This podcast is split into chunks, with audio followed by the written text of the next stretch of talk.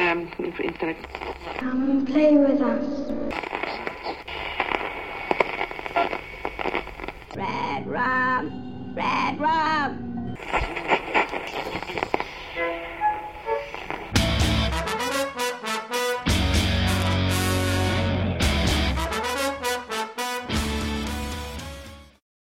If you go to a very dark place, take a bright light and shine it on everything. Because if you don't want to see what's there, why dare the dark at all? Stephen King, Full Dark, No Stars. Dzisiejszy odcinek w całości poświęcony będzie jednej książce. Omówię w nim najnowszy zbiór długich opowieści Stephena Kinga Czarna bezgwiezdna noc. Audycję nagrywam nieco wcześniej, więc y, nie jestem w stanie określić jak i czy w ogóle zmienią się jeszcze plany Albatrosa. Ale na chwilę obecną data wydania tej książki to maj, więc już za kilka dni. Na samym wstępie kilka zdań y, należy poświęcić okładce. Książki Stephena Kinga z wydawnictwa Albatros stanowią, co by nie mówić, dość specyficzną serię wydawniczą. Czarna bezgwiezdna noc ma na pewno najlepszą okładkę z albatrosowych nowości. Jest lepsza od komórki i lepsza od po zachodzie, ale niewiele lepsza. Po prostu do grafiki z oryginalnego wydania zdążyliśmy się już przyzwyczaić. I tak naprawdę fala krytyki polała się na nią kilka miesięcy temu. E, Teraz każdy odetchnął tylko spokojnie, że wydawca nie zaserwował nam e, jakiegoś własnego pomysłu. Owszem, razi napis e, światowy bestseller numer jeden. Bo po pierwsze, czym jest w ogóle taki twór jak światowy bestseller? A po drugie, ta książka nie była na pierwszym miejscu New York Timesa. Ale ogólne wrażenie, jakie pozostawia okładka jest pozytywne. E, Mnie osobiście znacznie bardziej drażni pisanie imienia i nazwiska autora z małej litery, co jest e, zwyczajnym błędem. Cieszy natomiast fakt, e, że Albatros zdecydował się na czarną okładkę. Osobiście widziałem też wcześniejszą białą wersję i choć obie były na podobnym poziomie, to jednak książka o tytule Czarna, bezgwiezdna noc powinna być w ciemnych barwach. Tyle o okładce. E, Przejdę zatem e, do znacznie ważniejszej kwestii, jaką jest zawartość zbioru. E, Z góry zapewniam, że zrobię wszystko, aby nie zdradzać znaczących wydarzeń z fabuły książki i nie psuć wam radości z czytania. The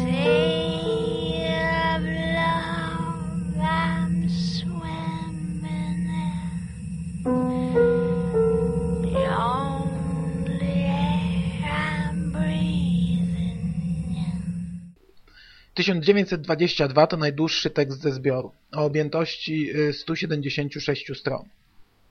Niestety jest to jednocześnie tekst najmocniej krytykowany w dostępnych recenzjach w internecie. Z jednej strony zgadzam się, że nie jest to ideał, y, ale z drugiej y, lektura przez długi czas dostarczała mi sporej przyjemności. Jest to opowieść, w której bohaterowie już na wstępie dopuszczają się dość brutalnego czynu po czym zacierają ślady i żyją z tym piętnem. E, Muszę przyznać, że tematyka y, trafia w moje gusta. Zawsze zastanawiałem się, jak czuje się człowiek po dokonaniu morderstwa, co skłania ludzi, że po latach przyznają się do popełnionych czynów, e, jakie to uczucie, gdy po dokonanej zbrodni e, zdają sobie sprawę, że teraz już nie ma odwrotu. W tym tekście mogłem śledzić losy ludzi, którzy doświadczyli tego na własnej skórze, a do pewnego momentu było to nawet ciekawe. King jednak, jak to ma czasem w zwyczaju, trochę za bardzo rozciągnął tę opowieść. Mniej więcej od dwóch trzecich tekstu zacząłem już odczuwać drobne znużenie. Szczególnie, że historia od pewnego momentu e, zaczęła się toczyć trochę nie po mojej myśli. Mam jednak wrażenie, że z bardzo dobrego pomysłu wyjściowego na jakieś 100-120 stronnicowe opowiadanie e, King zrobił zbyt długiego tasiemca. E, Choć jednocześnie muszę zaznaczyć, że czytałem to z e-booka. E, A że był to okres, w którym zamykałem semestr i byłem mocno zabiegany, więc czytałem z komórki. Nie wiedziałem w jakim momencie się znajduję, czy jestem dopiero w połowie, czy już bliżej końca i może po części y, to wpłynęło na mój odbiór. Ale to raczej kiepskie usprawiedliwienie. Dobrze skrojona historia zmierzałaby do konkretnego punktu, i nie musiałbym wiedzieć, ile stron mi zostało, by czuć się komfortowo.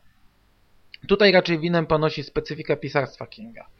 On zawsze zaczyna od pojedynczego pomysłu i dalej płynie wraz z historią, a to nie zawsze sprzyja samej historii. Co jeszcze może się nie podobać? Jedna z naszych forumowiczek określiła tę książkę jako taki worek, w którym przemieszane zostało wszystko to, co King już kiedyś napisał. Tak jakby wziął losowo swoje stare pomysły, przemieszał i opublikował na nowo z różnym skutkiem. W przypadku 1922 e, faktycznie mogą paść takie zarzuty. Po pierwsze, sam pomysł wyjściowy jest męską wersją Dolores Claiborne. I to naprawdę nie są e, tylko drobne zapożyczenia. Mówimy tu o dokładnie tym samym pomyśle z wieloma identycznymi szczegółami. King już raz zastosował coś takiego i czytając historię Lizzie miało się dość często wrażenie, że czyta się kobiecą wersję Worka Kości. W przypadku 1922 jest to jednak znacznie bardziej widoczne, choć oczywiście do pewnego czasu. Mi to nie przeszkadzało, ale nie do końca pasowało mi późniejsze zagranie, które można potraktować yy, nawet za największy minus tego zbioru. Otóż w pewnym momencie yy, można dwojako interpretować ten tekst. I jedna z wersji, a niestety trzeba powiedzieć, że jest to wersja bardziej oczywista, skłania się ku elementom nadprzyrodzonym, które no nie pasują tutaj. Ja wytłumaczyłem to sobie na swój sposób i według mnie ten tekst jest e, od początku do końca osadzony w naszych realiach, ale podczas dyskusji z innymi czytelnikami doszedłem do wniosku, że chyba tylko ja to tak odebrałem. Have a safe trip home. Hello, Tess. I see we're taking a trip. Yes, indeed. And a good day for it, wouldn't you agree? Across the roundabout, bus exit.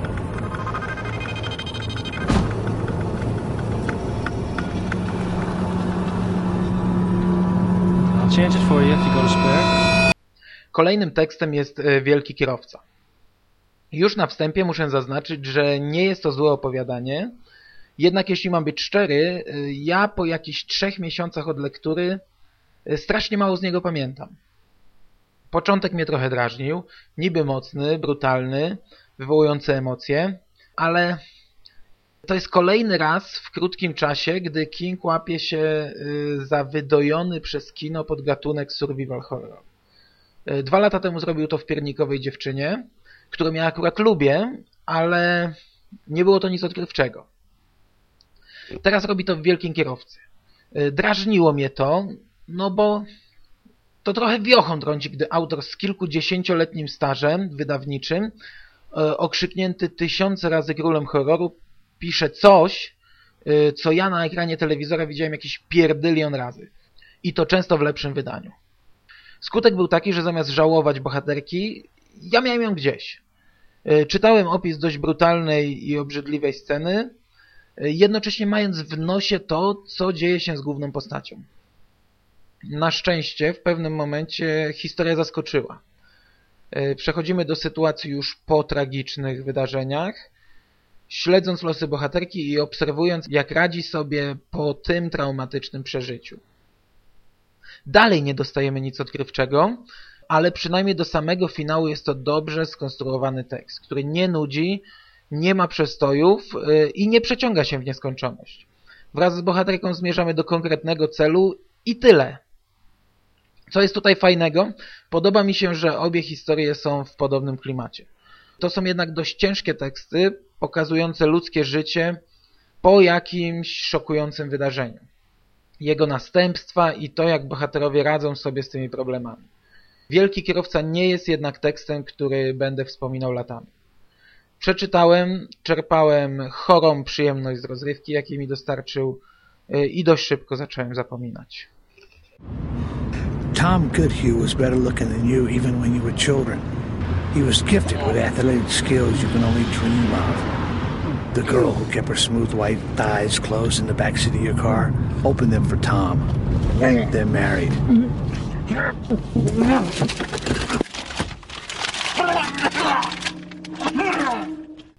Dobry interes to bardzo dobre opowiadanie. Ale jest to jednocześnie tekst, który kompletnie nie pasuje do zbioru. E, I to zarówno pod względem długości, gdyż jest to bardzo krótkie opowiadanie, szczególnie w porównaniu z resztą tekstów, e, ale najbardziej nie pasuje pod względem klimatu. Wcześniejsze opowieści to dość mroczne obrazy ludzi e, po przejściach. No dobra, tutaj też nie poruszamy błahych tematów. I tak naprawdę tematyka opowiadania jest bardzo poważna. Ale całość napisana jest z jakąś taką, z jakąś taką cholerną lekkością. Mam wrażenie, że gdyby King czytał to opowiadanie przed publicznością, e, to ludzie śmialiby się słuchając go. Jest to świetny tekst, ale można było go umieścić w jakimś tradycyjnym zbiorku. Tutaj zwyczajnie nie pasuje, a jego brak nie wpłynąłby e, na objętość książki, a sprawiłby, że stałaby się bardziej spójna.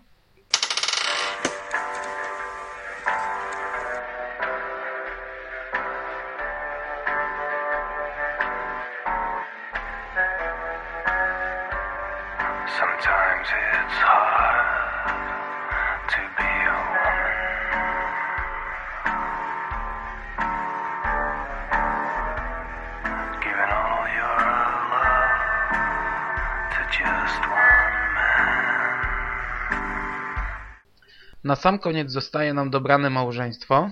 Jest to chyba jak dla mnie najlepszy tekst. Okay, to nadal nie jest nic odkrywczego, ale dostarcza pokaźnej dawki rozrywki i potrafi przestraszyć. Opowiadanie w przeciwieństwie do poprzedników nie jest brutalne, nie obfituje w krwawe sceny, nie obrzydza, ale ma kilka takich momentów, że można poczuć się niepewnie. I ponownie, jest to historia o człowieku, e, który musi sobie radzić z życiem po traumatycznym wydarzeniu. W dobranym małżeństwie mamy do czynienia z wzorcową parą starszych ludzi, z których jedno odkrywa nagle ciemną stronę tego drugiego i musi postanowić, co dalej z tym fantem zrobić. Nie jest to tekst, który jakoś mocno zapisze się w dorobku Kinga, choć z drugiej strony nie mi o tym wyrokować, ale jest to świetna rozrywka, która może dać trochę do myślenia. Bo tak naprawdę, choćbyśmy znali drugiego człowieka 50 lat, to możemy wcale go nie znać. Miałem określone oczekiwania odnośnie tego zbioru, ale też miałem sporo obawy. Ostatnio często mam y, określone oczekiwania od Kinga y, i nie zawsze się one spełniają. Pod kopułą było kolejną książką, która w oryginale przekroczyła tysiąc stron i wszyscy spodziewali się godnego następcy Bastionu czy to. Co dostaliśmy ostatecznie, każdy miał okazję się sam przekonać. Ja nie byłem zachwycony. Czarna bezgwiezdna noc to z kolei następca takich zbiorów jak Cztery po północy czy Cztery pory roku. Oba postawiły poprzeczkę dość wysoko, Oba miały bardzo dużo dobrych stron, ale też oba nie ustrzegły się wpadek i całkiem sporych minusów. Choć ogólnie większość czytelników wspomina bardzo dobrze te książki. Myślę, że patrząc na te zbiory pod takim kątem, Czarna Bezgwiezdna Noc spełniła moje oczekiwania. E, nie wiem, ile z tych historii zostanie na dłużej w mojej pamięci, choć na to spory wpływ będą miały przyszłe ekranizacje, ale na trzy miesiące po lekturze jestem zadowolony. Nie jest to książka ze szczytu mojego rankingu, ale tak samo daleko jej do końcowych pozycji. Mam tylko jeden zarzut do Kinga. Uwielbiam jego dramaty i granie na emocjach czytelników. Natomiast muszę z przykrością stwierdzić, że od czasów Ręki Mistrza, czyli od trzech lat, nie udało mu się poruszyć mnie emocjonalnie. Nie zrobił tego ani w Pod Kopułą, ani w Czarnej Bezgwiezdnej Nocy, a szkoda, bo moje odczucia byłyby znacznie lepsze.